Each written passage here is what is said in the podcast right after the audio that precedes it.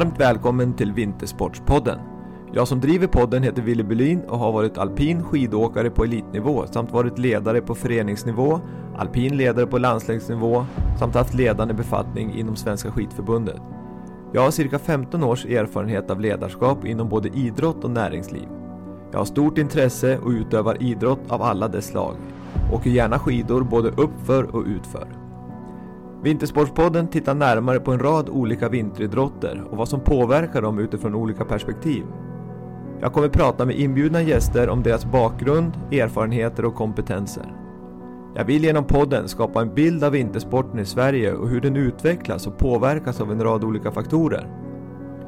Podden vill ge dig som lyssnar, oavsett om du är förälder, aktiv, ledare i en förening eller en för idrotten så viktig supporter inblick i hur de olika idrotterna jobbar med allt ifrån barn och ungdomar till världselit och hur de jobbar för att fortsätta vara den folkkära rörelse som vinteridrott faktiskt är i Sverige. Dagens gäst är född och uppvuxen i den klassiska och legendariska byn Tärnaby. Numera bor hon i Umeå med sin familj. Hon gjorde sin första världscupstävling i mars 1998 och redan några månader senare vann hon sin första världscupstävling som 17-åring. Det var då den yngsta världscupsvinnaren genom alla tider. Hon är en av få som vunnit i samtliga discipliner och hon var den första alpina åkaren att vinna fem medaljer på samma mästerskap 2007. Med 14 år i världscupen, 381 världscupstarter, 95 pallplatser, 42 segrar, 19 mästerskapsmedaljer varav 8 guld är hon en av, om inte den allra framgångsrikaste svenska vinteridrottare genom alla tider. Hennes popularitet och framgångar har belönat henne utöver alla medaljer med otroligt fina utmärkelser som två stycken bragdguld, utsett till Årets idrottskvinna två gånger, tagit emot Victoria-stipendiet samt Mikael Ljungbergs minnesfond. Efter karriären flyttar hon från Monaco till Umeå. Hon jobbar med att föreläsa om sin karriär och sin syn på att våga gå sin egen väg och tro på sig själv. Hon har varit expertkommentator i samband med alpina tävlingar för SVT och Viasat där OS i Sochi var en av de stora insatserna. Hon har också deltagit i en rad större TV-produktioner, bland annat Humorgalan, Let's Dance och senast Vem kan slå Anja och Peter? Även i dessa uppdrag gjorde Anja stor succé. Jag är stolt och hedrad att presentera dagens gäst och Sveriges framgångsrikaste vinteridrottare genom tiderna till Vinterpodden. Varmt välkommen Anja Persson!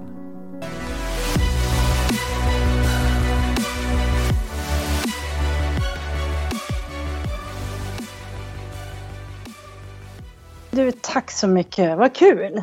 Ja, absolut. Otroligt eh, inspirerande och jag är glad och stolt att du vill vara med i Vintersportspodden och dela med dig av, av dina erfarenheter inom den alpina grenen då inom vintersport. Men jag tycker vi gör så här Anja, att vi drar igång podden direkt med eh, lite grann kring Anja Persson, vad gör du nu för, nu för tiden? Ja men det är väl en bra fråga för att eh, det vet jag knappt själv. Nej men det, det, är rätt roligt för våra barn när de ska förklara vad vi gör så vi, brukar de komma och fråga vad gör ni egentligen mamma? Det, det är lite, lite diffust jobb vi har. Det är mycket på förfrågan. Vi har ett företag ihop jag och min fru och jag sitter nu i vårt kontor i vårt hus. Eh, så att det kan vara allt ifrån eh, ja, men mycket där inspiration via sociala medier till tv-program till uh, ja, men jag var nere tvärt till Stockholm här för att göra ett litet jobb och det, det blir liksom så här ja, men in, göra en inspelning och sen snabbt för VM här framöver och sen så snabbt gå via ett eh, företag som jag kanske ska samarbeta framöver med och sådär. Så, så att det är väldigt, väldigt olika varje dag.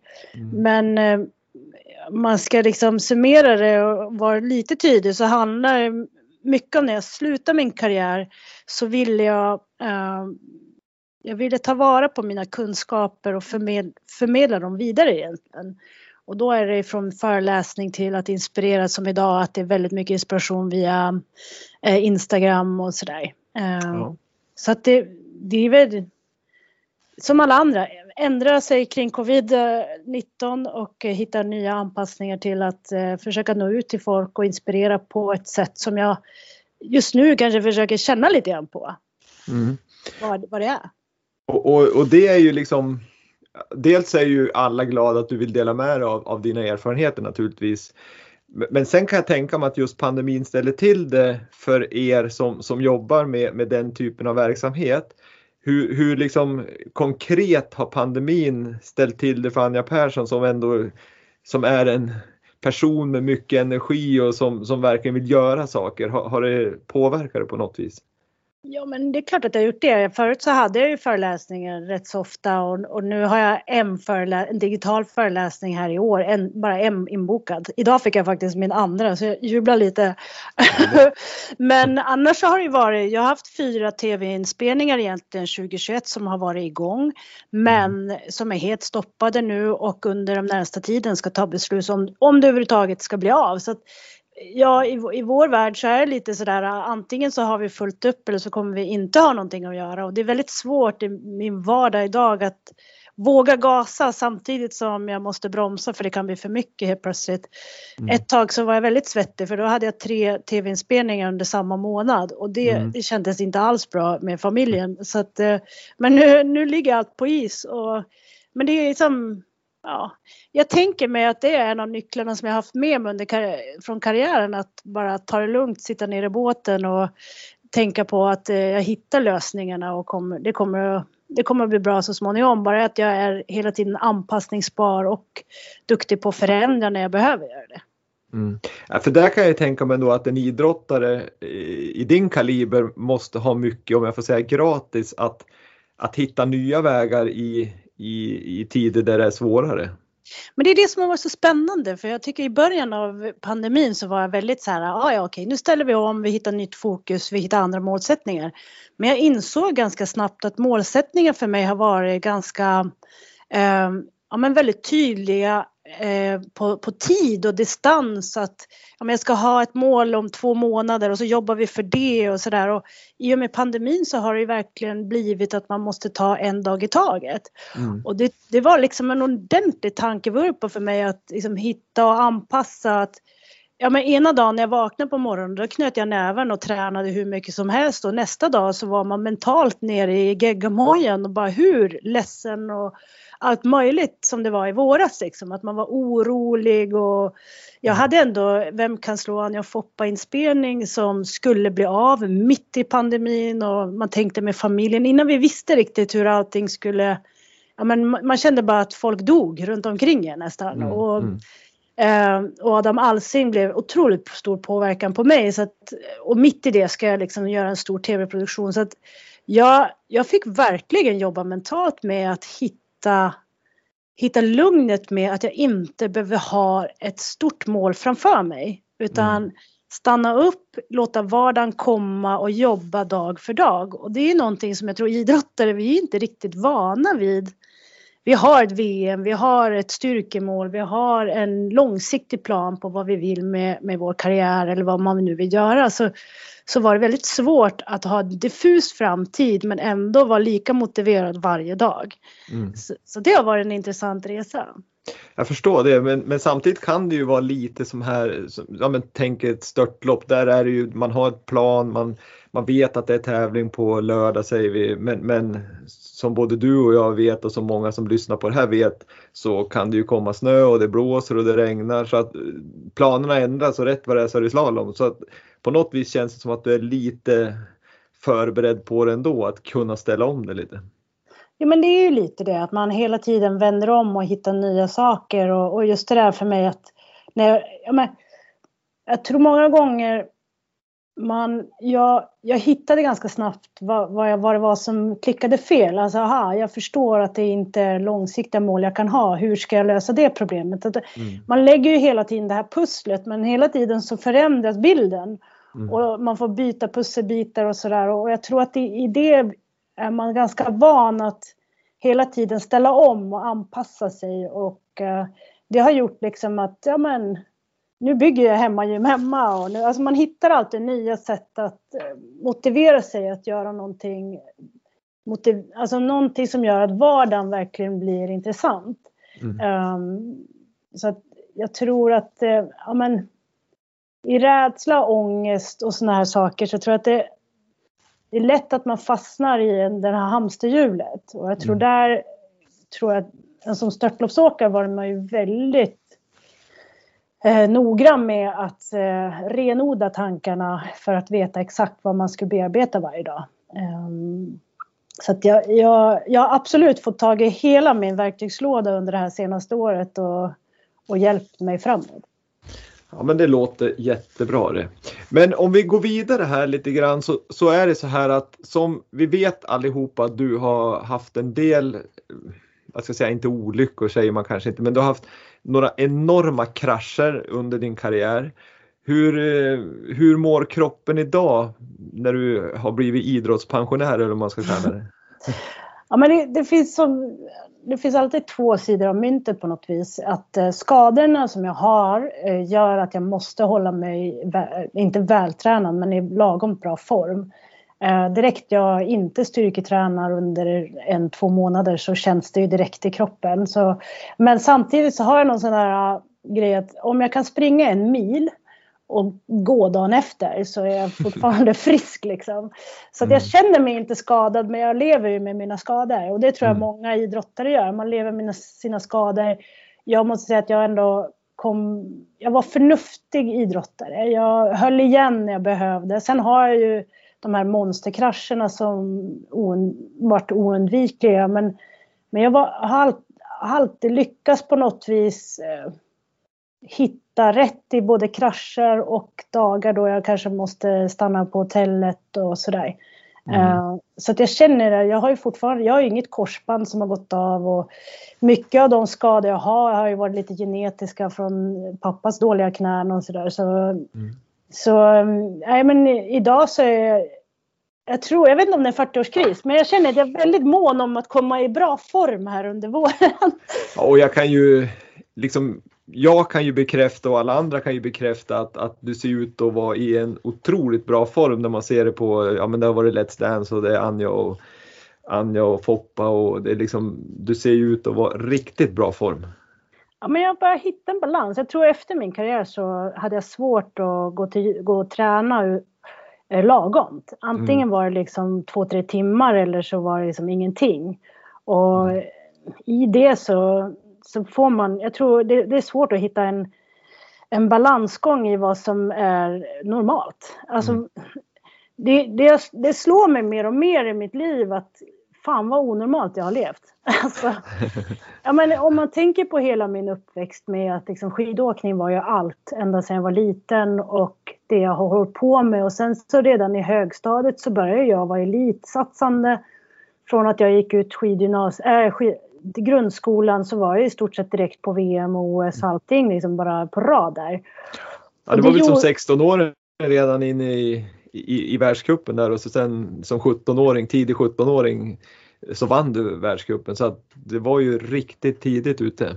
Ja men det var ju det och det gjorde liksom att, och det blev ju mitt liv sen i, i 15 års tid nästan när jag inte kunde eller visste någonting annat än att bara förbereda mig för nästa tävling eller optimera mig. Så att så här i efterhand så när liksom, ja men när man pratar om det och sådär, det är ju helt sjukt vilken omställning jag har fått göra till att flytta hem, skaffa barn, sitta på mm. kontor, betala räkningar, allt sånt där som kanske många andra ser som en vardag som jag var, jag var så långt ifrån vardag. Mm. Eh, hotellfrukostar, alltså bara att bre en egen ostmacka för mig var ju lyx ett tag. Mm. Mm. Jag förstår. Så, och jag, jag menar, jag kommer ihåg liksom perioder där jag, ja men liksom, jag tror så här i efterhand så var det ju super, super var härligt att vara i den bubblan. Men liksom, vilken, vilket sjukt liv på ett sätt. Men ändå ja. underbart. Ja. Ja, det är ju, man, kan, man kan ju komma in där just på, om, om vi ändå är på, på det ämnet, hur, hur liksom hur känner du då att från grundskolan 15-16 år kliva in i världskuppen och göra 14 år i världskuppen då från, från egentligen första tävling till, till du slutar.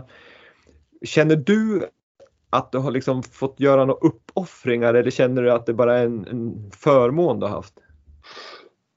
Alltså, jag tycker det är svårt att säga att jag Eh, uppoffringar på något vis. Ja, det är klart att det fanns dagar där man kanske hade hängt med, alltså att man önskade att man var mer vanlig. Eh, jag har pratat med min syster någon gång just det där om att, att det kändes så orättvist för jag hade en sån stor, enorm talang i det jag höll på med och det jag gjorde och den jag var. Eh, vilket gjorde att det var liksom jag kunde ju som inte välja något annat än skidåkning. Alltså det var, min väg var som stakad så himla tidigt. Mm. Uh, att det fanns ju som inget annat, för jag var ju helt enkelt för bra på det jag gjorde. Alltså mm. jag var ju så bra på all idrott. Um, allt ifrån friidrott till längdåkning till vad som än var idrott. Liksom. Mm, mm. Så det var mitt kall på något vis och då blev jag ju lite udda i skolan och sådär. Så att det var för liksom så här, lite svårt med det sociala med andra kompisar för att jag var den jag var på något vis. Redan tidigt så var ju tv-kamerorna på mig liksom redan i mellanstadiet. Och det gjorde väl att idrotten blev lite en flykt och mm. mitt hem och min trygghet lika mycket som Eh, ja, men många gånger man tänkte liksom, gud vad skönt det hade varit att slippa all den här pressen och bara vara en vanlig människa. Mm. Men, men, så här, men jag älskade ju, alltså jag älskar idrott. Jag älskar all sorts form av idrott och vad det är och vad det betyder och vad det gör med en människa i, form av glädje i kroppen och så. så att jag skulle aldrig säga egentligen att det är uppoffringar utan mera har berikat mitt liv men det mm. har varit ett annorlunda liv. Det har mm. Men, men, du var alltså redan där i mellanstadieåldern som, som tänkte jag säga, du och alla runt om den och började förstå att det här är någonting som, som är någonting utöver det vanliga? Ja, jag hade redan i mellanstadiet, tror jag SVT var ju där och gjorde någon reportage med Stig mm. Strand att jag skulle bli den nya Ingemar då. Mm. Så jag kommer ihåg redan då så var jag, hade jag ju journal, jag finns ju sådana gamla klipp från Disneyklubben och allt möjligt så här när, jag, när det pratas om mig då. Och jag, ja, men redan när jag, mitt första år som FIS-åkare och sådär så var jag ju med och slog många Europacupåkare och var med på SM och sådär. Så att eh, jag kommer ändå ihåg när du, jag, när du ville vara med juniorlandslaget, jag menar, då var ni stora förebilder redan och eh, eh, jag var ju ganska liksom rookie då. Mm. Men ändå var det som att det var en jag kom in i juniorlaget, var mer, såg upp till, sög in allt som ni äldre, mer rutinerade hade och sen skulle jag liksom bara vidare. Mm. Nej, men det kan ju bara bekräftas. alltså när du kom in där i juniorlaget så, så kunde ju vi också som var äldre se att det här var ju inte en vanlig tjej som, som kanske andra som kom in utan du, du var jag märkte ju också ganska snabbt att du är en stark tjej liksom rent mentalt. Du visste vad du ville med, med karriären och, och framförallt så var du ju extremt duktig på att åka skidor så att jag tror du hade, liksom även vi runt om det som, som inte var ledare som fortfarande var åkare, vi såg ju din ja, potential liksom att att du hade så mycket, många, många er, liksom, egenskaper som var positiva. Mm. Ja, men det är, lite, det är svårt att beskriva tror jag, men när man är idrottare så, så ser man ju vissa kvaliteter på människor. Man ser på ungdomar vad de har. Idag är jag ju ledare för fotboll och lite mm. sådana grejer. Och man ser vissa egenskaper hos personer som gör att ja, men det här kan bli någonting. Om mm. man får, och jag, jag måste väl säga, även om jag har haft rätt guidning hela vägen egentligen också. Om vi ska nu prata om att jag var en talang väldigt tidigt. Och, ja, om man ska ta diskussionen om vad det här med elitsatsa tidigt och hur man nu ska som ledare av det här balansera liksom, ungdomar idag som, som är drivna eller inte drivna. Och, eh, jag har ju haft en resa med det när jag slutade med min bonusdotter som åker skidor och barn som tränar och sådär att det är en extremt svår balansgång och jag måste säga, tänk om man hade sett, alltså man måste se till individen. Liksom, för jag var ju extrem. Jag ville ju mm. träna allt, köra allt och hade man då hållit tillbaka mig för att man tyckte jag elitsatsade för tidigt, ja, då kanske det inte hade gått lika bra. Samtidigt som man inte som ledare ska, tycker jag, alltså jag värnar ju verkligen om att man ska leka sig igenom mycket av träningen och det gjorde vi ju också men på vårt sätt uppe i Tärnaby. Mm. Och, mm. Ja, det är en svår balansgång att veta liksom hur man ska, vilka nivåer ungdomar ska, ska, ska lägga det på och leda det idag. För att jag är ju ett, ett extremexempel på hur man väldigt, väldigt tidigt kunde få fram en talang. Mm. Nej, men jag, jag, jag, tycker ditt resonemang är, är, rätt och riktigt för att eh, jag pratade med Rickard Grip i en annan podd och vi var inne just på det här med ledarskap i föreningar och för barn och ungdomar och då var också han inne på just det där med lite situationsanpassat ledarskap, att, att se till varje individ vart de befinner sig i sin utveckling. För att gör man allting lika då blir det ju tråkigt för den som är som du var kanske väldigt väldigt drivande och långt fram i utvecklingen men det blir väldigt tråkigt för den som ligger lite eh, längre efter utvecklingen också så att jag, jag, tror att det finns ett stort värde i att, att, eh, att se till varje individ och, och, deras behov. Ja men det är ju det och det blir ju hela vägen upp på landslag och liksom världsnivå. Jag må, kan väl säga att jag tyckte under min landslagstid att där kunde vi ha nog gjort det bättre. Då hade vi nog behållit Pernilla eller mig, liksom att man hade varit lag mycket mer. Mm, eh, mm. Det, blev ju, eh, det blev ju att jag kände ju eh, till slut när jag skulle köra alla grenar och så, jag var ju ett behov av extremt mycket mer träning än vad kanske skidförbundet och de tränare runt omkring mig erbjöd mig då. Mm, och jag mm. ville ju vidare och jag märkte liksom att jag kan ju inte jag ville ju inte kliva ner två trappsteg hela tiden. Jag hade inte råd och tid med det. Min karriär var nu liksom. Mm, och jag mm. ville ta ansvar för den själv. Och mm.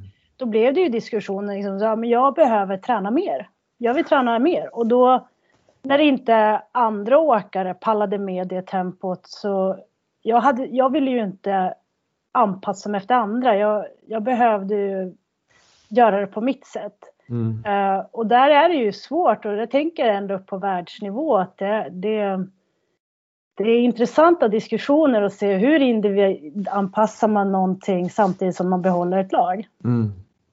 Det är ju en, en otrolig liksom, balansgång och utmaning men jag tror att man ska sträva dit för att alla individer har sina liksom behov och ska man göra de här extrema satsningarna på elitnivå som vi är inne på nu då, då, då krävs det att varje individ får den liksom uppmärksamheten och, och, och, så att deras behov blir uppfyllda på något vis.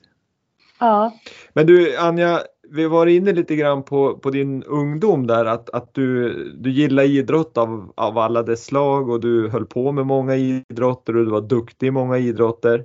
Men du kom ju ändå, jag kan inte undvika, jag kan inte tänka mig att inte fråga den här frågan, att du kommer från Tärnaby. Mm. Och det finns ju en kultur där måste det finnas som är helt brutal vad det gäller liksom den alpina kulturen med tanke på alla framgångar som har kommit därifrån. Mm. Var det liksom, blev det för dig ett var det naturligt val att hamna på alpint eller var man tvungen om man kom från Tärnaby att hamna i alpint? Det var nog en av min ungdoms största sorger var att jag inte kunde hålla på med så mycket andra sporter. Jag kommer ihåg vi hade några gamla elithandbollsspelare som gjorde sin ja, men som var uppe och gjorde sin praktik för uh, lärarhögskolan eller någonting. Och du vet, alltså under de veckorna de var uppe så sög jag i mig allt som hade med handboll. Jag älskar mm. handboll. Och mm. jag vet, jag höll på med friidrott och längdåkning kanske inte var något som jag uppskattade jämt. Men ja, då kunde jag tävla i det också och hålla på med det en stund. Eh, fotbollen var ju 26 mm. mil bort liksom. Det var det enda lag som fanns. Det var ju, det var ju Lycksele så det var jäkligt drygt och liksom. Så det är både och. Jag hade nog hållit på med väldigt många fler sporter om jag hade kunnat. Mm. Eh, samtidigt så var ju skidåkning det primära. Eh, och det är kanske det man, ja det är svårt att hålla på med andra sporter. Men det är någonting som, ja Tärnaby har ju en kultur och att beskriva kulturen i Tärnaby, det är lite grann, det finns någonting, ja men det är lite som att det finns någonting i vattnet. Alla vet vad som krävs. Man mm. har en trygghet och en kultur där uppe som gör att man vet vad som krävs och vilka steg man behöver göra för att, för att bli riktigt bra skidåkare. Och det skulle, trygghet, du kunna, ja. skulle du kunna säga liksom en, en konkret grej som, som är just Tärnabykulturen och varför man har haft liksom, ja men du kan ju gå, gå tillbaks väldigt, väldigt lång tid. Men om, om vi pratar om Stig Strand, Ingmar Stenmark, Anja Persson, Jens Byggmark.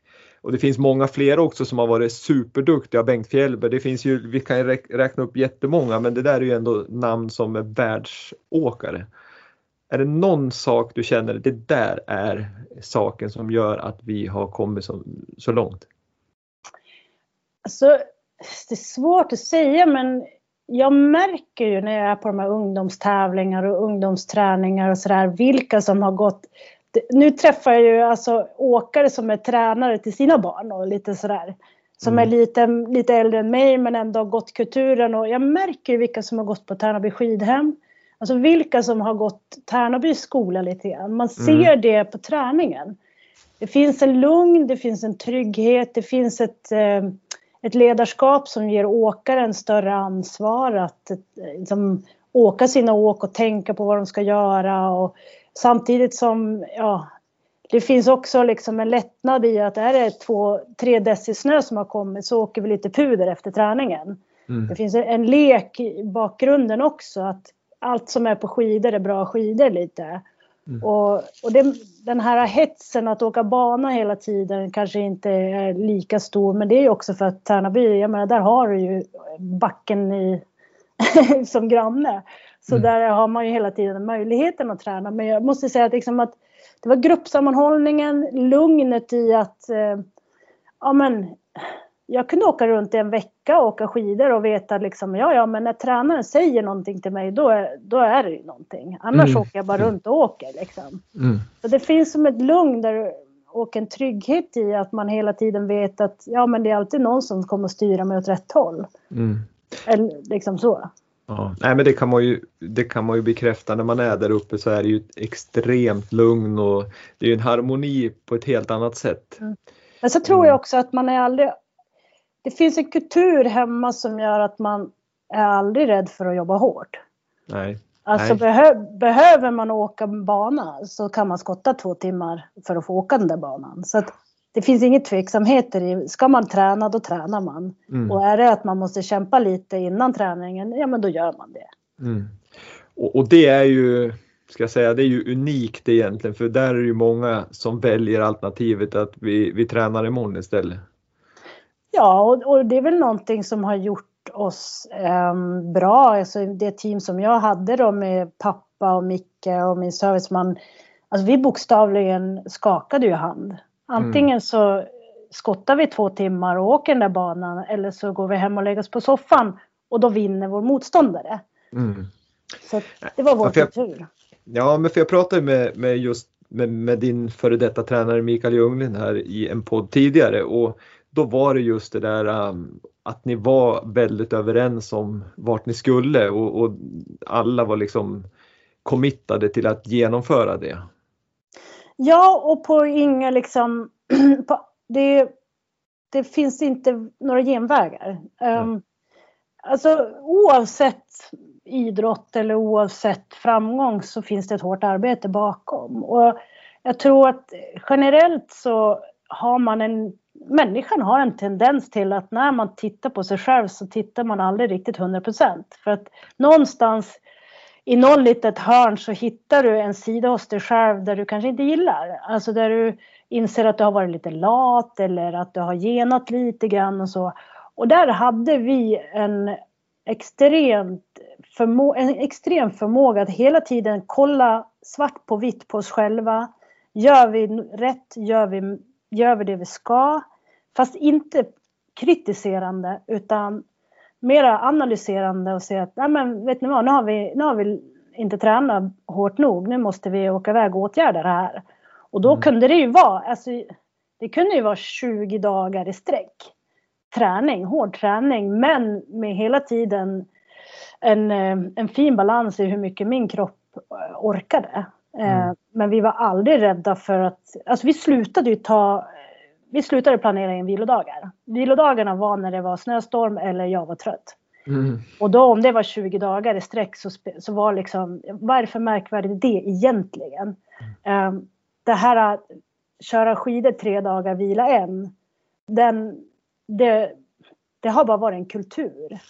Ni, ni utnyttjar helt enkelt de dagar som var bra så att säga och, och, och sen tog Men, ni paus? Var vi, på, var vi på ett läger med tio dagar bra sol, då körde vi tio dagar. Mm. Men mm. då kanske vi drog ner på fysträningen eller åken. Mm. Då kanske vi bara körde fyra skidåk. Och mm. sen så ner och vila och såg till att vi orkade hela lägret. Var det, såg vi att det skulle vara snöstorm i två dagar, ja då gasade vi ju och körde jättemycket skidor näst, sista dagen. Och sen så la vi in fysträning och så vilade vi och sen när solen kom fram igen, ja då var vi där och gasade igen. Ja. Så att vi slutade att planera så himla mycket utan anpassade ut efter hur solen och vind och hur min kropp mådde. Liksom. För det kunde ju också vara dagar när det var strålande sol där min kropp inte reagerade och då var det två åk, ner, vila mm. och pausa liksom. Ja, för ni hade ju ett otroligt tufft schema där med, med alla grenar och, och, allt vad det nu innebär. Det är ju extrem påfrestning att göra det. Det finns inte så många som åker alla grenar idag utan man väljer oftast att vara teknikåkare, det vill säga slalom eller storslalom eller fartåkare, då kör man super-G och störtlopp. Men med, med ditt schema där så det, det, det, blir väldigt påfrestande också för ni tränar ju oftast kanske slalom efter genomåken i störtlopp så att dagarna ja. blev också väldigt långa. Jag kommer aldrig glömma um, Lake Louise i Kanada i december. Det är ju alltid 30 minus och riktigt horribelt. Mm. Och så de genomåken som är där eftersom det är första startloppet så är det mentalt tufft också. Mm. Uh, och så kommer jag ihåg, alltså jag var helt slut och frös och allting. Och sen kommer de med slalomskidorna och pappa säger att jag ska köra ett slalompass. Eftersom de hade ändrat planeringen och vi skulle till Aspen och köra eller vad det nu var efteråt. Mm. Och då sitter två stackare i liften. Det är jag och Janica Kostelic som är upp och ska knega en jävla slalombana någonstans mitt, mitt i det här vinterlandet och fryser och trött och du vet så här nästan gråtmilda. Och jag kände liksom så att ja, då tyckte jag synd om oss två. Det var så här, ja, nej men när alla andra ligger nu och dricker en varm choklad på hotellrummet så, så kör vi på här. Och, och det är ju liksom, skulle jag säga, i, i, för mig så är det skillnaden mellan de som låg och drack varm choklad och, och, och dig och Kostelic. För att det som är lite kul att höra här det är ju att du och Kostelic tränar tillsammans. För följer man media och liksom tittar man på det här utifrån så tror jag många har en bild av att ni var liksom stora rivaler och att nästan inte kunde prata med varandra. Men, men hur var verkligheten där? För jag kan ju också tänka mig att du hade en stor nytta i att hon var din konkurrent just i, i din utveckling. Ja, vi hatar ju att förlora mot varandra. Alltså mm. det var ju det värsta som kunde ske. Det var ju var... hata att förlora mot varandra lika mycket som vi var överens om just att vi kunde, vi behövde varandra i det där att vi pushade varandra. Det fanns ju ingen som jag älskade att stå och slåss om guldet med som hon. Så att, och vi, alltså det är konstigt, vi umgicks ju mest egentligen. För det var alltid vi två kvar på start, på mm. slutet. Mm. Så det blev ju alltid mellan oss två och sådär. Och på prisutdelningar och så vidare. Så att vi, vi umgicks ju precis som på träningen efter störtloppen och så där, Så vi umgicks ju väldigt, väldigt mycket och blev otroligt bra kompisar i slutet av karriären. I början då kände vi lite mycket på varandra. Liksom att eh, två unga tjejer som liksom slogs om rampljuset. Och, mm. eh, men men eh, vi insåg ju ganska snabbt att eh, det kommer stå mellan oss två och vi kunde ju varandra så otroligt. Vi kunde precis, jag kunde på besiktningen på en slalom se om hon skulle leda första åket eller om jag skulle göra det. Mm. Så det var verkligen så här, ja, ja men nu är det här scenariot idag. Och, mm. så, men vi var ju lika roligt för jag fick ju, båda två gav ju varandra slängar i media och sådär. Men det var alltid, vi visste som vart vi hade varandra. Och, mm. Ja men det var otroligt roligt. Jag, jag så här, även om hon slog mig många gånger så, så hon fick mig att eh, pusha så otroligt mycket hårdare än vad, vad jag normalt kanske inte hade gjort. Nej, jag förstår det. Men hur, hur reagerar hon en sån här gång? Jag kommer ihåg någon tävling där eh, kroatiska publiken kastade snöbollar på dig när du åkte. Hur, hur, liksom, hur reagerar hon på det? Ja, men där är ju de gånger man känner liksom att man var förbannad på att eh, kanske... Men det var ju inte hon i sig tycker jag utan det var ju mer hennes pappa som tycker jag borde ha agerat annorlunda. Mm. Uh, Janica, hon alltså hon försökte väl utnyttja det tillfället också lite grann. Jag var ju i stor form och hon visste att liksom, hon kunde kanske få lite fördel med publiken och så här, lika mycket som hon också var stressad i situationen. Men jag kommer ihåg, jag tog liksom hennes pappa i nacken och sa nu åker du liften med mig. Jag kan inte mm. åka upp själv. Det kommer att sula så många snöbollar så det gör ont. Liksom. Mm. Och, så att han åkte med mig i liften en gång och då kom det bara en snöboll. Nästa gång jag åkte liften åkte jag med Spela Pretna från Slovenien. Då kom det så här 2000 isbollar. Så, men det, det, det är ju sådana häftiga minnen efteråt. Så här, vilken stämning ändå. Även om det var skitdryg och man var förbannad då. Så är det ett sånt där minne. Tänk bara att det kom liksom 20 000 fotbollshuliganer som skulle in och se en tävling. Så, mm. så pass stort tryck var det från Kroatien. Och, um, som tur var vann jag tävlingen. Ja, men och som jag känner dig Anja så, så var det väl nästan så, så att förutom blåmärkena på kroppen av snöbollarna så, så var det väl nästan så att du gick igång på det där och liksom knöt ja. näven och, och blev ännu mer peppad otroligt. Mer bensin bara. Det var bara, jag stod på start och frustade liksom att ja. nu ska jag ta det här. Såklart. Um, så att det blev ju... Jag har aldrig hört, någonsin känt en isboll som har varit så hårda som de där. Men, men uh, som tur var så träffade jag bara under själva åket så var det bara några stycken som träffade mig och inte ansiktet. Så det gick ändå. Men det var nästan liksom för varje båt som kom så vart jag bara mer arg och gav ännu mer fart. Ja, det är härligt att höra. Men du, om vi ska titta tillbaks på, liksom nu när du har, har lagt av för ett antal år sedan då, och tiden har gått. Hur ser du tillbaka på din karriär idag? Liksom, kan man, känner du att fasiken, det, det är overkligt vad jag har varit med om och vad jag har presterat? Och, är det någonting du känner ibland att du liksom inte får ångest men att du känner att det här skulle jag ha gjort annorlunda så hade det blivit ännu bättre?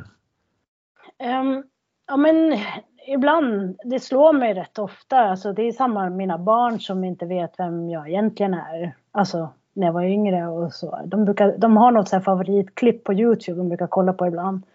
Uh, så det är otroligt svårt, uh, liksom så här konstigt att de aldrig har upplevt det jag har upplevt. Och mm. Ibland kan man ju fastna i sådana här historier där man liksom tänker på, gjorde vi verkligen det där? Och, och uh, ja, men precis som du säger, det är svårt att greppa det ibland att man har gjort det. Mm. För man är så långt ifrån det nu. Men det är ju ett fantastiskt minne att ha och liksom eh, Ja men när jag tänker tillbaka på det. Vi brukar skoja jag och Micke då, om att eh, tänk om vi visste allt vi vet idag, då. Mm. Vad vi ska ha gjort annorlunda.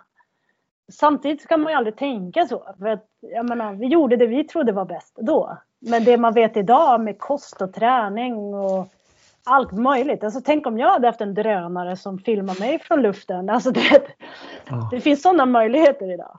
Ja, men det som, det som fanns då, det tror jag också, det, det, det är så man får se på det, att det som fanns då, där känner du ändå att ni gjorde allt vad som stod i er makt för att det skulle bli så bra som möjligt? Ja, det gjorde vi nästan för mycket. Um, mm. Om det är någonting jag ska ha förändrat i min karriär så är det vila. Även mm. om jag körde 20 dagar och sådär så hade jag behövt vila i den månen att jag vågade åka iväg kanske på en semester med kompisarna mitt i karriären och bara ha kul för självkänslans skull. Mm, mm. Eh, jag gick ju in i väggen egentligen när jag var 26 år där 2006 eller 2005 var det tror jag. Mm. 2005 efter Bormio VM när jag liksom gick och vann super och tog massa medaljer så kände jag liksom bara oh, vem fan är jag liksom? Vad är det här? Mm. Liksom, varför alla bara... Det var så extremt mycket fokus på min framgång att jag tappade mig själv i det och jag fattade liksom inte, är det, det här bara folk värdesätter hos mig? Mm. Um, så att är det någonting så här i efterhand som jag känner att hade jag kanske kunnat ta det lite lugnare och inse att det finns ett gym på, på Mallorca också där du kan träna varje dag. Du har rätt kompisar som kommer att ge dig det spacen. Mm. Eh, det är någonting för att jag var så extremt nervös eh, ibland över att det inte räckte till. Mm. Så att jag ibland tränade för mycket. Men, men just det där med att du nämner att gå in i väggen, du, du börjar liksom fundera kring är det mig de är kompis med eller är det mina framgångar de är kompis med? Hur, hur hanterar man det med, med, med den, den stora person du är framgångsmässigt, liksom du, med, med 19 mästerskapsmedaljer och 95 pallplatser på, på världscupen. Hur, hur, liksom, hur tänker du nu också, liksom att, men även under karriären, att hur, hur kunde du hantera och veta det här är min kompis det, och det här är någon som tycker bara är så coolt att vara med Anja Persson för att hon är en framgångsrik tjej? Ja, nej men jag hade väl inte så himla många kompisar för att, och det här har vi pratat, några av dem så pratar vi om det så här i efterhand att de, de jag släppte, all, man, jag släppte in dem till en viss punkt och sen så mm. där var det stopp. Mm. Och det var ju för att jag tror jag länge bara körde på självförtroende. Alltså, jag tror i, i, nu senaste åren pratar man ju mycket mer om det här mentala och vi har fantastiska svenska idrottare som, som har Micke Tornéus och många som har pratat om, om mental, mental ohälsa och så vidare inom idrott. Och jag tror att det är så mycket bredare vad vi egentligen tror att det är. Mm. Jag har själv börjat prata mycket om det på mina föreläsningar och sådär. Det, det är väldigt lätt som idrottare att skapa ett självförtroende och en självkänsla som passar. Mm. Um, och jag gjorde nog det. Jag skaffade ett självförtroende och en självkänsla som passade mig då. Mm. Tills jag kom till den punkten att den där självkänslan var ju ingenting att ha egentligen. För det var bara någonting som gjorde att jag presterade på mitt självförtroende och min idrott. Mm. Um, så att jag mådde ganska extremt dåligt under en vår sådär och hade svårt att förstå vad jag var, varför jag mådde dåligt för jag hade ju all den här framgången. Mm. Um, men till slut så, så råkade jag se Mia Törnblom prata om självkänsla och självförtroende på någon bokmässa och då slog jag upp ordet självkänsla och självförtroende och inser mm. liksom skillnaden. Mm.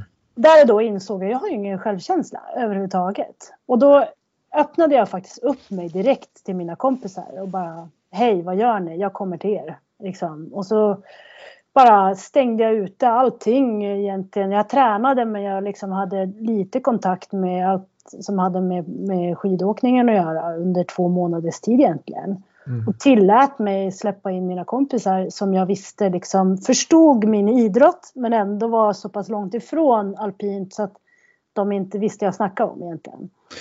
Ja, men och det, det kan ju vara skönt just att, att få, få, om jag får säga, bara vara en människa och inte mm. en maskin eller vad man ska kalla det. Men, men tog du, nu, just nu i samhället så är ju det här en väldigt, väldigt stort problem med, med mental ohälsa och det gäller ju inte bara idrotter utan det gäller, gäller ju generellt. Men hur tog du, fick du hjälp på något vis från skidförbund eller från din tränarstab eh, att, att komma ur den här situationen eller var du så pass stark att du lyckades på egen hand? Men jag, jag tror att jag alltid egentligen har haft väldigt bra människor runt omkring mig. Dels med mamma och pappa och min syster och sen också Micke då, Mika Ljunglind. Mm. Så jag tror att vi tillsammans, jag, jag har aldrig varit um, sådär uh, jag har aldrig varit rädd för att visa vem jag är till de som jag litar på. Så jag tror jag var väldigt öppen med att så här är det nu. Det här är mina frågeställningar, så här mår jag nu. Mm. Det här måste vi gå igenom. Och där tror jag min pappa alltid var, han, han liksom så här i efterhand, så här många år senare, så märker jag ju hur mycket mental tränare han har varit genom åren. Liksom just det här att Ja men han är, även om han har varit en hård tränare genom åren där vi har kört hårt och så, så har han aldrig haft långt till en, en ostmacka och boy. Alltså du vet så här, äh, fan nu får vi ta en, nu tar vi en kaffe och en bulle, nu måste vi bryta av träningen och göra något annat. Mm. Och den där känslan han hade med det, det gjorde också att liksom i den här processen med att jag måste må bra, um, det kunde han vara väldigt lyhörd med och att vi kunde prata om och liksom så att ja, men han kunde inse att även om jag tränade hårt så behövde jag liksom någonting annat.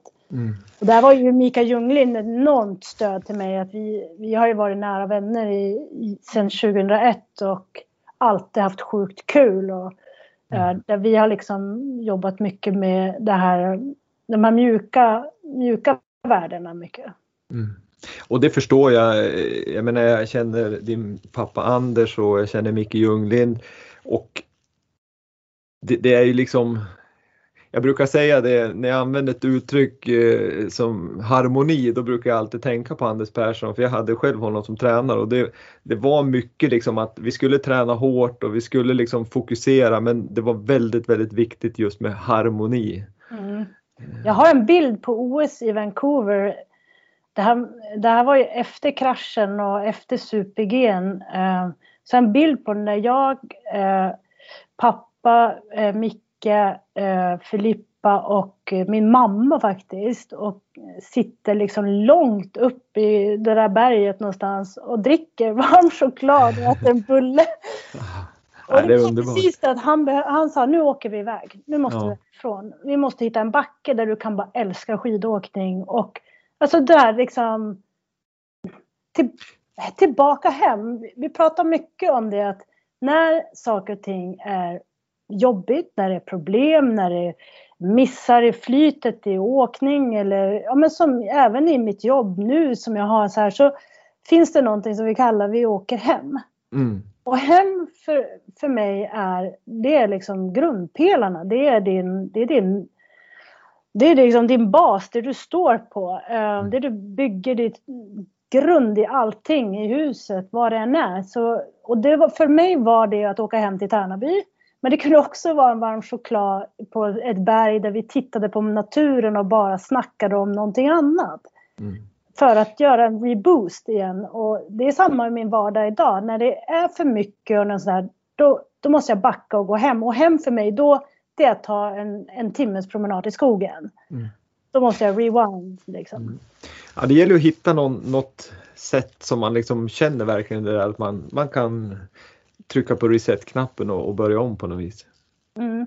Men jag tänker lite grann på det här när man, som nu ungdomar och alla som lyssnar på poddar och så just det här, eh, man kan jobba hårt, man kan vara talang, man kan vara allting möjligt. Men, men just det här att som man måste vara otroligt noga med, det är just eh, prata mycket med ungdomarna vad självkänsla och självförtroende är för någonting. Mm. Eh, när jag är i backen idag så ser jag, när, eller egentligen generellt bland ungdomar idag, det här med att misslyckas. Att misslyckas blir, har blivit ett större en större innebörd idag än vad det var tidigare tycker jag.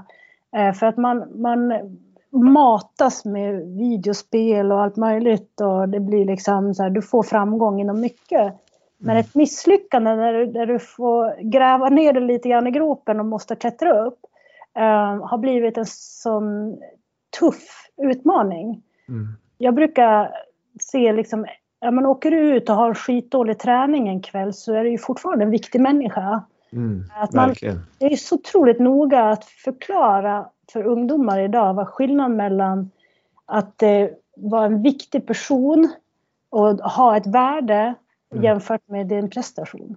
Ja, verkligen. Det, det är någonting som, som man verkligen måste jobba med och det är en svår det, det, är ett svårt ämne för jag tror många ideella ledare ute i föreningar men även förbundsledare och, och, och, allt vad det nu kan tänkas vara. Det, det, är ju liksom, det är ett ämne som också många har svårt att prata om och det är ett ämne som folk inte är utbildade i så att jag tror ju någonstans att, att det är jätteviktigt det du säger att, att, att jobba med de frågorna med, med våra barn och ungdomar för att de ska må bra. Ja, verkligen. Mm. Men du Anja, när vi är inne lite grann på eh, balans mellan, liksom, vi har pratat om hur ni tränar fys och skidor och vi har pratat om mentala biten och så vidare. Men hur, hur, hur la du upp den, eller hur la ni upp det i Team Anja så att säga under din karriär med just alla de här eh,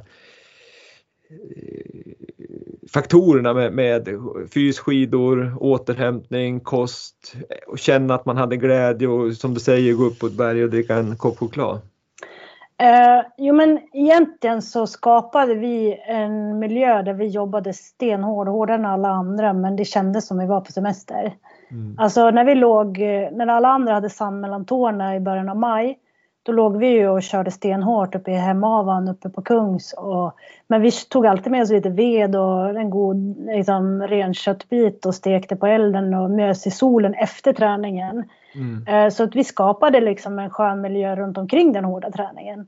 Men, eh, men om man ser balansgången, vad vi gjorde var att liksom, långsiktigt så la vi upp en plan hur man skulle lyckas med att träna hårdare än alla andra. Det finns en otrolig... Jag kommer ihåg när vi åkte med schweizarna i Zermatt. Eh, det är ju på hög höjd, nästan 4000 meters höjd. Mm. Och från början av min karriär orkade man fyra eller fem störtloppsåk och sen åkte man ner och var helt slut. Mm. Uh, till att vi byggde upp det på ett eller två år senare. För vi insåg att den dyrbara tiden att bara åka så få åk uh, hade vi inte råd med. Så vi fysiskt byggde upp så jag orkade ju sex störtloppsåk och sen fyra storslalåmåk på det, på den höjden. Mm. Och sen åkte vi ner i dalen, bodde i lägenhet så vi kunde laga vår egen mat. Eh, så vi gjorde det och sen hade vi en skön terrass. Vi hittade en boende som funkade för oss där vi hade liksom gymmet. Mm. Så då när de andra, när, när då schweizarna såg mig sätta på mig storslalomskidorna efter störtloppsträningen när, när de åkte ner. Och sen på eftermiddagen när de satt och bara cyklade ur kroppen så körde jag tunga benböj. Så det är klart att det knäckte dem ganska hårt det första året. Andra året försökte de ta på sig storslalomskidorna de också. Men de orkade inte riktigt för de hade inte lagt upp det tränings, och mentalt för att orka. Så att vi byggde långsamt men extremt motiverande till att behöva orka. Eftersom vi åkte fyra grenar så visste vi att jag var tvungen att orka dubbelt så mycket än alla hela tiden. Mm. Ja, det, det är ju otroligt. Jag tror att det är svårt för de som lyssnar som inte har varit på de här höjderna och träna att förstå hur jobbigt det är att vara på 4000 meters höjd och träna. Det är liksom det är en prestation nästan att gå upp för trappen till, till middagen. Liksom. Men det är ju det. Men sen ska man veta att vi är heller inte stagnerade i att, för att det finns, eh, jag skulle säga att Sverige är ganska trendkänsliga när det gäller träning och så vidare och alpint framförallt. Det finns som inget, det finns som inget recept på hur en alpinskidåkare ska träna. Vi ska vara väldigt allsidiga och där har vi varit, tycker jag, tyvärr i Sverige lite väl trendkänsliga. Mm. Eh, och där så insåg vi ju ganska snabbt att vi kan ju med det, med det positiva med mitt namn faktiskt eh, söka oss till andra idrottare som är superduktiga på det de gör. Så vi, vi sökte oss till friidrotten som var superduktiga på det här explosiva med styrketräningen. Så jag låg ju nere i Spanien med Ludmila Enqvist och tränade för att få in styrketräningen på ett bättre sätt. Så jag låg ju två veckor med henne varje vår och bara körde. Och, och på tal om att visa hur man tränar hårt. Ja. Eh, sen så blev ju hennes framgång annorlunda när hon dopade sig och sådär. Men det är ju en helt annan historia. Men hennes träning var någonting som inspirerade mig. Ja, men det är också... sätt så, så lärde vi oss av andra idrotter. För varför ska jag uppfinna hjulet igen när det finns andra som redan är superduktiga på det? Ja, visst. Men sen, tycker jag det, sen tycker jag det är just intressant eh, att, att ni gjorde just det där. För jag, jag har alltid funderat mycket på samarbeten mellan idrotter oavsett om det är längd, alpint, friidrott eller fotboll eller hockey eller vad det än är så, så tror jag att samarbetet Dels så kan det skapa liksom motivation att se andra elitidrottare prestera om det, vi säger att du hade tränat, eller du tränar med Ludmilla där. Och det är ju en sak men sen är det ju alla idrotter har ju sina liksom spetskompetenser och det är som du säger, det är väl kanon om man kan utnyttja varandras spetskompetenser. Eh, Men det, det tror jag, alltså vad heter det, där om man ska jämföra med Norge så ligger vi långt efter. De har sitt toppidrottscenter i, i Oslo. Man ser liksom Axel Lund Svindal sitta bredvid Marit Björgen. Alltså det är mm. klart att de utbyter erfarenheter. Ja, och, så, och sen liksom även om man inte tränar lika så tror jag att man motiveras av att se andras prestationer och se andras Ja men om Axel Lund Svindal ser Marit Björgen kanske springa och med hennes liksom kapacitet så kan ju det ge honom en väldig motivation i hans träning. Verkligen. Så att man verkligen. skapar någon form av så här, ja, men elitmiljö på något vis, en, en sån kultur. Ja, men ibland blir det lite kul. Jag kommer ihåg, min kultur var att man skulle träna stenhårt. Vi skulle köra liksom så här, konditionsträning i två timmar och bara, hårda kroppen till att få mjölksyra och allt vad det nu var. Och sen så eh, pratade jag lite intervallträning och så med Per Elofsson och han direkt bara, men Anja du överkör ju. Mm. Du kan, din kropp kan inte hantera den sortens liksom, du bara bryter ner din kropp. Mm. Prova och kör 45 minuter och så kör du så här i den här pulsnivån. Så ska du se att du får samma resultat men du blir piggare så du kan göra styrketräning dagen efter. Mm. Mm. Och då bara, jaha, och egentligen det var ju det många, både Ludmilla och längdåkare, så här, de kapade min träningstid med en timme. Så att jag, ja men det var ju tufft att köra på två, tre timmar liksom. Och de bara, men Anja, kör effektivt det här i en timme. Sen kommer din kropp inte reagera på samma sätt och då går du därifrån. Mm, mm. Och då kunde jag öka kapaciteten istället. Ja, jag förstår exakt. Um, hörru du, eh, jag är intresserad av en annan sak och det tror jag fler än jag är intresserad av.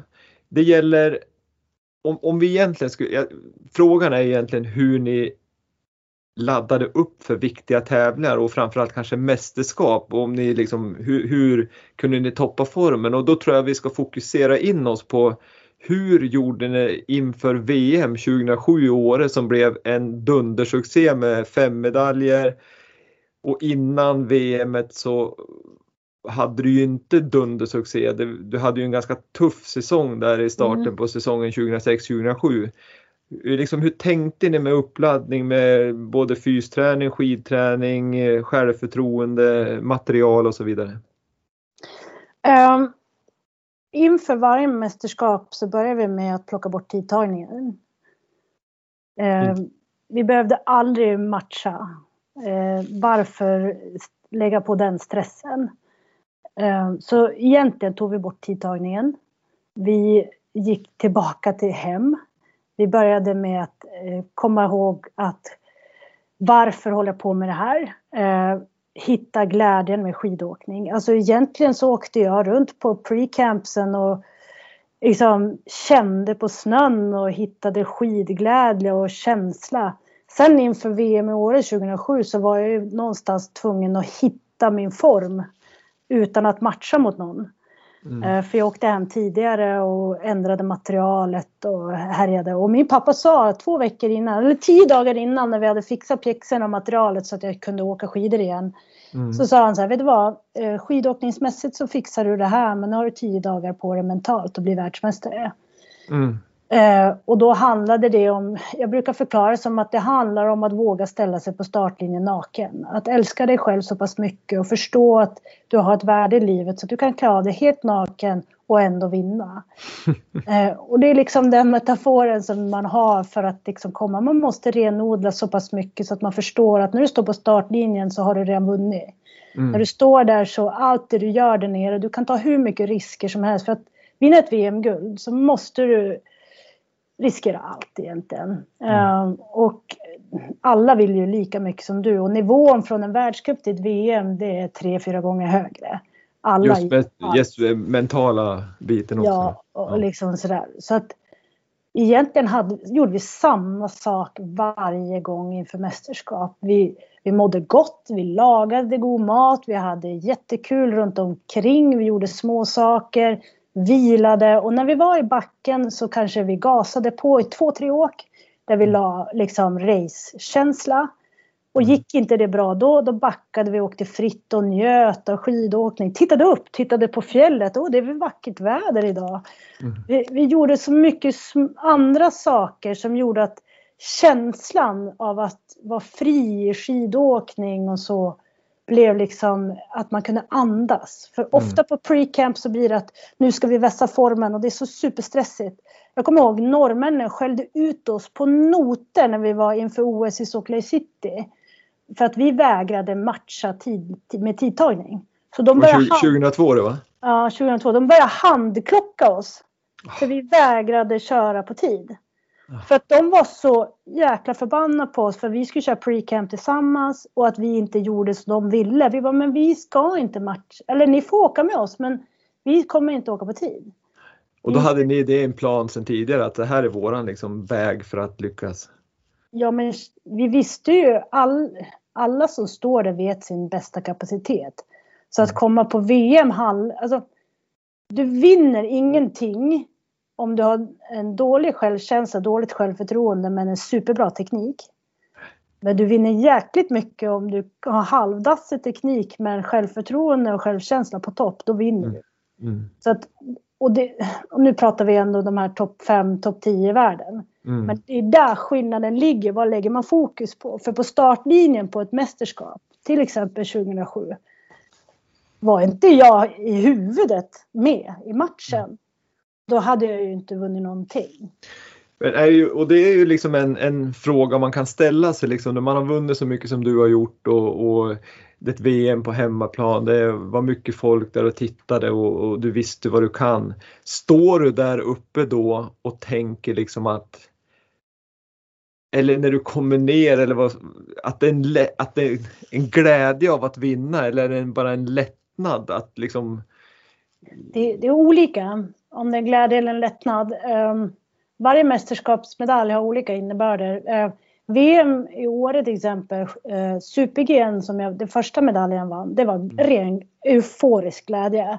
Mm. Jag var så nervös på start så jag var som i en bubbla och kunde kräkas vilken sekund som helst. Det var så otroligt hög press.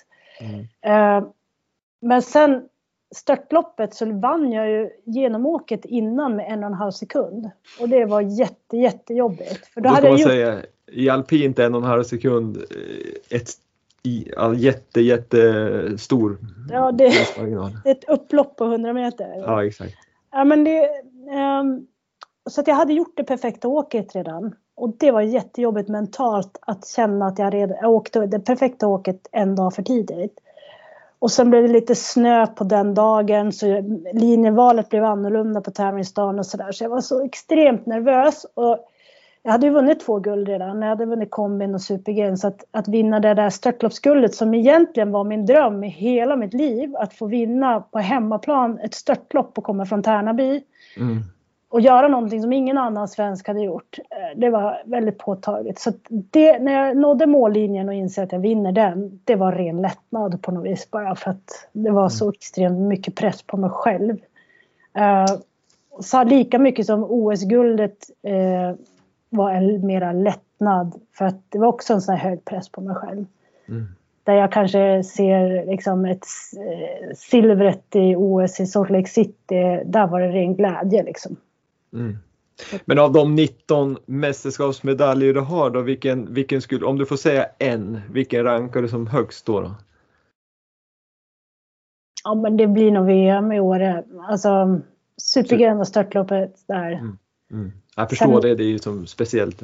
Ja, sen är ju alltid 2001 eh, att få vinna sitt första VM-guld. Mm. Att där var det nog mycket att bevisa för det var så otroligt många som var negativa att jag var så ung och att jag, jag, inte skulle hålla på mästerskap. För 99 när jag åkte då körde jag ut båda dagarna. Och så kom jag till 2001 och sa att jag ska vinna VM-guld och blev så extremt ifrågasatt. Mm. För jag tyckte ju lite, men vadå? Vem, vem åker på mästerskap och inte vill vinna VM-guld? Jag tyckte det var så fånigt att hymla om att man bara ska göra sitt bästa och det var ja, mitt bästa var VM-guld så varför hymla om det? Och jag blev så kritiserad. Mm. Och då, då, hade du ändå vunnit världscup innan det så att det, det vore ja. ju också, jag håller med dig att det vore ju konstigt. Så att det, den var en så här gigantisk revansch mot alla journalister och alla som hade ifrågasatt mig så var det så här skönt att vinna VM då. Ja, jag förstår.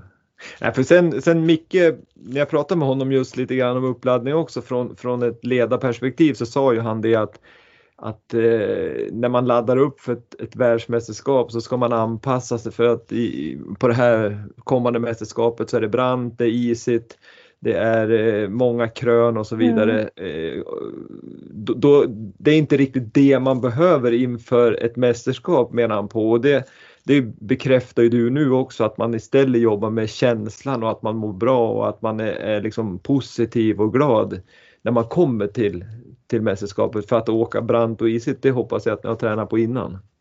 Ja men lite det att man, har man inte gjort grundjobbet så kommer du inte lyckas med någonting en vecka innan VM. Alltså, du, du sätter ju formen, jag satte ju formen i april.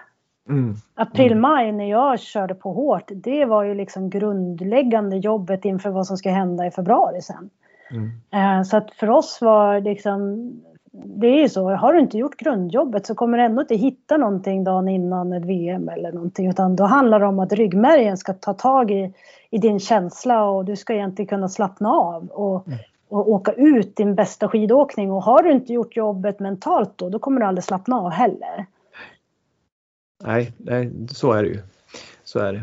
Hörru du, vi har ju pratat en del om naturligtvis din prestation och så sen har vi varit inne på din, din pappas och Mickes och din servicemans betydelse för dig. Eh, för, att, för att du ska kunna lägga ner 100 på, på, på träning och, och förberedelser och så vidare så, så är det ju väldigt, väldigt viktigt att, att stöttapparaten om man säger så fungerar väl.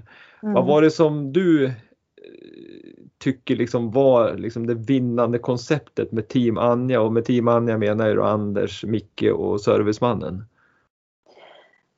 Um, jag tror att uh, det, nyckeln till framgången det var min pappas ledarskap i att vara prestigelös. Att se till att varje individ växte och även om min serviceman gjorde skidorna så blev han min tränare. Mm. Uh, som att alla i teamet, vi kunde ju sätta, jag kunde ju, att du vet, jag kommer ihåg det var någon eh, tränare som hade gått till Micke från österrikiska laget och svurit för att jag hade kommit med burit på en käppbunt mm. uppe på eh, Isas fel liksom. För att jag hjälpte ju också till. Mm. Um, och det stärkte mig och de bara liksom, tänk om våra åkare hade fått sett en sån världsmästare som Anja gå och bära på skidkäppbuntar och slita i teamet. Och det var lite vår styrka att vi, vi var där för varandra. Mm. Och sen att jag kunde lita till 100% på att de var där för mig och de gjorde allt för att jag skulle prestera varje dag. Um, vi brukar skämta om det. Ju mer ilsk och liksom bitch jag var på en tävlingsdag, desto bättre var jag. Mm. Uh, och det, var, det fanns en, som en känsla i rummet liksom att jag kommer ihåg att jag kunde liksom med ögonen svära upp liksom min fysio för att han inte gav mig vattnet. Han borde ju förstå det utan att jag ens säger det. Alltså, man, man hade ju nerverna utanpå. Och man liksom mm. så här, jag var, trots att jag var extremt stark mentalt så var jag också extremt känslig. Uh, så att jag ville ha det på mitt sätt. Och mm. Att ha ett team som var så trygga i att kunna liksom styra mig utan att jag var medveten om det lika mycket som att de i blint läge kunde lita på mig till 100 procent. Som OS efter kraschen till exempel så backade hela teamet. Mm. Eh, även min pappa som är, jag menar det är, som, som förälder i det läget att backa och inte säga åt mig att ta med nummerlappen. Det måste ha varit en, en, en sån mental prestation så, nu när man själv är förälder. Mm. Eh, men att han så till 100% litade på min förmåga att förstå när, när det räckte och hur mycket jag kunde pressa mig själv. Att han backade helt totalt och lät mig ta besluten själv. Kände du någon gång att det blev svårigheter att ha sin, sin pappa som tränare? För jag menar, tar en familj idag så, så är det ju en utmaning att bara bo under samma tak för många. Men, men hur var det liksom ändå att resa runt 300 dagar med sin pappa och, och, och ha han som både pappa och tränare? Hur, hur löste ni det på ett bra sätt? Ja, det är då vi hade vår eh, partypsykolog Mikael Ljunglind som, som, som körde emellan. Så att vi, jag och pappa kunde köra våra konflikter via honom ja. många gånger. Nej, men jag tror att vi var väldigt duktiga på att hitta våra roller. Mm. Eh, när han var min pappa och när han var min tränare och att vi var väldigt noggrann med vad som var vad. Eh, det tror jag gjorde att vi klarade av alla år tillsammans. Sen så på slutet av min karriär så bytte jag ju från honom då till Johan Wallner. Mm. Men det var nog mer för att jag insåg att jag var lite för duktig på att få min pappa att eh, göra det jag ville. Mm. Att vi hade hittat en för, för um, bekväm roll med varandra. Att vi, vi stagnerade tillsammans. Mm, mm. Att vi tog inte ut det bästa av varandra längre och att det blev att jag lyckades ändå hitta vägar där jag, jag till och med beskrev mig själv som lat. Mm. Uh, och det var liksom, då, då blev det fel. Uh, att jag behövde honom nog mer som pappa då än som tränare och insåg att jag behövde få in en ny, ny tränare som jag, jag liksom kunde kämpa vidare med. Mm. Så att jag tror att jag tror ändå så för alla att man, man kan jobba x antal år med varandra. Sen måste man hitta nya vägar. Mm. Även hur bra man än funkar med varandra. Så till slut så blir det vardag och det blir att man inte förnyar sig nog mycket i samma takt som alla andra. Nej, och då, då är det ju det här klassiska, klassiska uttrycket att, att de medaljer man vann, vann på, på snön förra året, den har ju smält den snön och, och, och idrott är ju extremt man måste, man måste som du säger, det är utveckling varje dag tänkte säga, och varje år för att det kommer hela tiden nya ungdomar som, som vill uppåt. Och, och ska man hänga med där när man blir äldre själv så då gäller det att fortsätta verkligen och, och hitta nya vägar som är ännu mer framgångsrik. Ja, är det någonting jag lärde mig i karriären är ju att det är lättare att jaga än att bli jagad. Mm. Och vi på något vis under väldigt många år lyckades jaga oss själva. Mm. Um, så att oavsett så under väldigt många år jagade vi oss själva. Uh, men när vi inte lyckades med det längre, att vi, vi missade, missade det målet så var det dags att byta. Och, uh, ja. Va, vad var det som till slut då liksom för jag vet att det var ju under några år där som du ändå funderade lite grann på när du skulle slut, avsluta din karriär och, och, så vidare. Men ändå, du höll på ändå några mm. säsonger till. Men vad var det till slut som, som gjorde att nej men nu, nu slutar jag? Men man kan säga egentligen så 2006 när jag var ganska mörbultad efter och tog operation för knät och 2007 närmade sig så, så då gjorde vi en pakt egentligen att vi sa i fyra års tid till kan vi köra på. Då, då kör vi allt vi har. Mm. Och jag som på något vis tyst för mig själv sa till min kropp och mental att fyra år till, sen är det okej okay att sluta. Och det var som så skönt att sätta ett stoppdatum till mig själv. Att 2010, då är det färdigt. Vilket gjorde att jag ändå kände att jag orkade. Eh, för det är lätt när man är idrottare att man kör på och kör på och kör på in i intet och till slut blir det liksom maler det upp en. Och det, för mig var det, då orkade jag. Så jag stod mm. där 2006, 2007, 2008 och orkade för jag visste att det var slut 2010. Du såg uh, lite ljuset i tunneln. Ja, precis. Så jag jagade efter det och visste liksom att OS blir min sista mästerskap och det var skönt att känna det. Men sen på våren 2010 på super-G på finalen i Garmisch så står jag ändå på start och tänker det här är det roligaste jag vet. Jag mm. vill inte göra någonting annat. Det här är så otroligt roligt. Så då körde jag på. Eh, men, sen, men i samma veva med 2010 så, så sprack lite bubblan kan man väl säga. Idrottsbubblan och mitt liv utanför längtade mycket efter mig och jag längtade efter det. Så att från 2010 till 2012 var det som en process att börja sluta.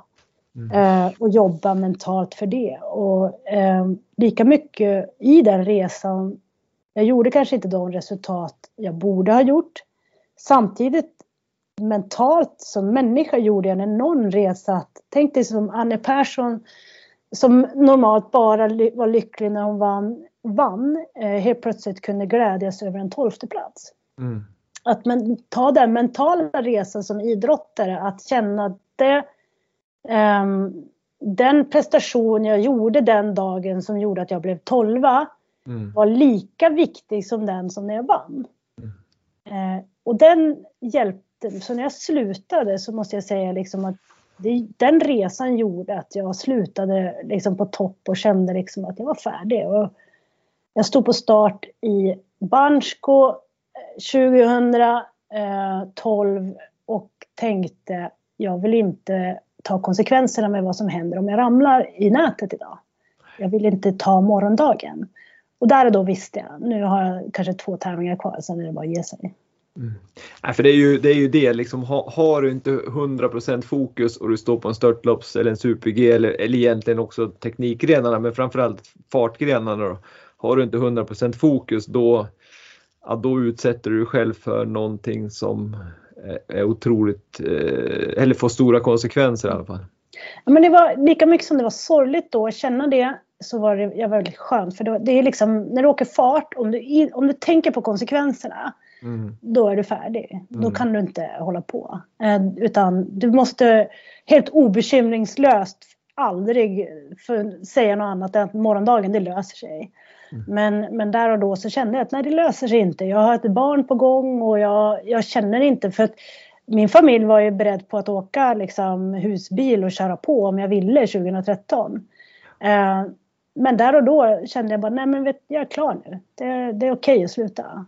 Mm, vad skönt. För, för, lite grann så så är det så här många elitidrottare som har varit på din nivå och kanske även lite under din nivå för du var ju liksom verkligen på topp topp du men, men det, det, brukar kunna vara svårt att avsluta karriären för att man lite grann som du beskriver, man, man, vem är jag och är jag någon om jag inte håller på med det här och så vidare. Mm. Men som det låter på dig så, så jobbar ju du för, förebyggande med det så att du kanske kände när du slutade till och med att du, du hade hittat vem Anja Persson var. Ja, det var ju så. Sen är det ju, det blev som allting pass, passade som ihop för mig att jag slutade, eh, vi, jag och Filippa fick barn, eh, vi kom ut eh, i, i radio eh, att eh, jag var homosexuell och mm. Eh, så var väldigt mycket som jag klev ut i, i ett annat liv. Att mm. På något sätt så, så blev det ett extremt bra avslut att jag fick stänga min idrottsliga bok och visa svenska folket att vet du vad, nu åker jag hem, äh, tänker leva med min, min blivande fru och uh, ha ett barn här. Och, mm. uh, så det blev för mig ett totalt, alltså inte så att jag stängde helt och säger hej då skidåkningen, tänker inte vara där någon mer utan mer att det var fint att bara få, få lämna det och gå över till någonting helt annat. Mm. Nej, det var ett, jag minns det var ett otroligt starkt eh, sommar i P1 program som du, som du gjorde verkligen. Det var jättefint program och hur, hur blev reaktionerna om man säger idrottsvärlden efter det där då? Ja men som var Pint så levde jag öppet eh, tillsammans med Filippa och um, så att där var ju hon som en i familjen redan mm. Eh, på dam och herrtouren så att där var det som inget konstigt. Sen så politiskt sett så var det väl många som hörde av sig och ville liksom utåt i i Europa var ett ansikte ut, i hbtq-världen och sådär. Um, där jag ganska tydligt sa att jag vill nog börja med att leva mitt egna liv och, och ta vara på mig själv innan jag tar ansvar för andra. Så att uh, bara av att vara, komma ut som homosexuell var för mig viktigt. Uh, bara för att få visa vem jag var som privatperson. För, att, för jag var väldigt tydlig med att separera idrottaren från Anja Persson hemma. Ehm, jag ville liksom ha någonting för mig själv. Så för mig var det, men sen efter karriären var det väldigt viktigt för mig att visa att vet ni vad, det här är jag. Eh, nu, nu, nu välkomnar jag er in i mitt, mitt nya jag. Och här kan vi hitta allting som egentligen inte har med prestationer att göra. Otroligt, otroligt starkt eh, Anja. Det, det är jättekul att höra och det är kloka tankar som, som många ska ta del av. Eh, vi ska avsluta den här intervjun med en eh, fråga som jag ställer till alla som är med i den här podden. Och mm. det är, jag skulle vilja veta hur, hur din syn är på vilken, om du skulle säga en framgångsfaktor Eh, för att lyckas inom vinteridrott? Har du någon specifik så här, det här ska ni tänka på för att lyckas inom vinteridrott?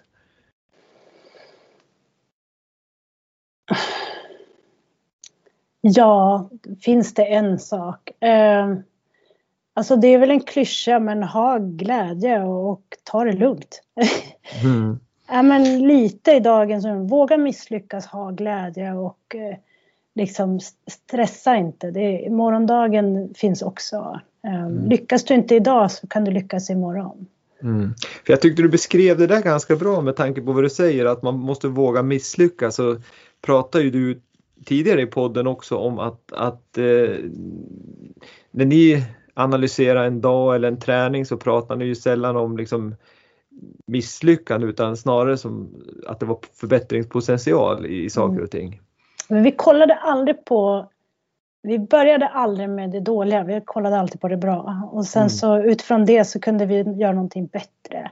Mm. Um, nej men det, alltså man måste liksom krast, vissa dagar har man skitdagar. Och, alltså man får inte ta för stora steg i allt man gör utan hela tiden vara analyserande att det här var bra, det här var sämre, det här kan jag göra bättre. Men kom ihåg skillnaderna mellan att vara självkänsla och självförtroende och vad träning och ditt liv och vad saker och ting, alltså det är väldigt lätt idag att blanda ihop allting. Var, var tydlig med vilka linjer och vad du gör. Eh, och sen i allt, i den här stora grytan, i allt det du har, så, så, så är du bara människa. Och mm. misslyckas man så kan man plocka upp sig själv och göra om och göra rätt. Och, jag menar, jag, där ska jag säga, skillnaden mellan mig och min fru till exempel, att jag, jag oroar mig aldrig för morgondagen för då har en ny chans att ta tillvara på det jag misslyckades med idag. Ja, det är ju så underbart att höra. Det är en riktigt bra inställning. Ehm, men jag kan bara säga så här att det här, det här avsnittet tycker jag har varit helt fantastiskt bra. Du har delat med dig av ditt liv, dina erfarenheter och eh, för mig så har det varit en jättehärlig stund jag fått prata med dig och jag hoppas verkligen att alla som lyssnar ska lyssna på dig och, och ta tillvara på de otroligt fina råd och tips du har gett dem, både som inom idrotten men, men framförallt tycker jag mycket också inom, inom livet med hur man ska se på sig själv med självkänsla och självförtroende och så vidare. Så från Vintersportpodden så tackar jag dig Anja för en mycket, mycket bra podd. Tack själv Wille och tack själv för hela Berlinfamiljen som har gjort så mycket för vår underbara sport. Ja, tack ska du ha. Jätte, jättesnällt och lycka till med allt i livet. Ja men du, tack.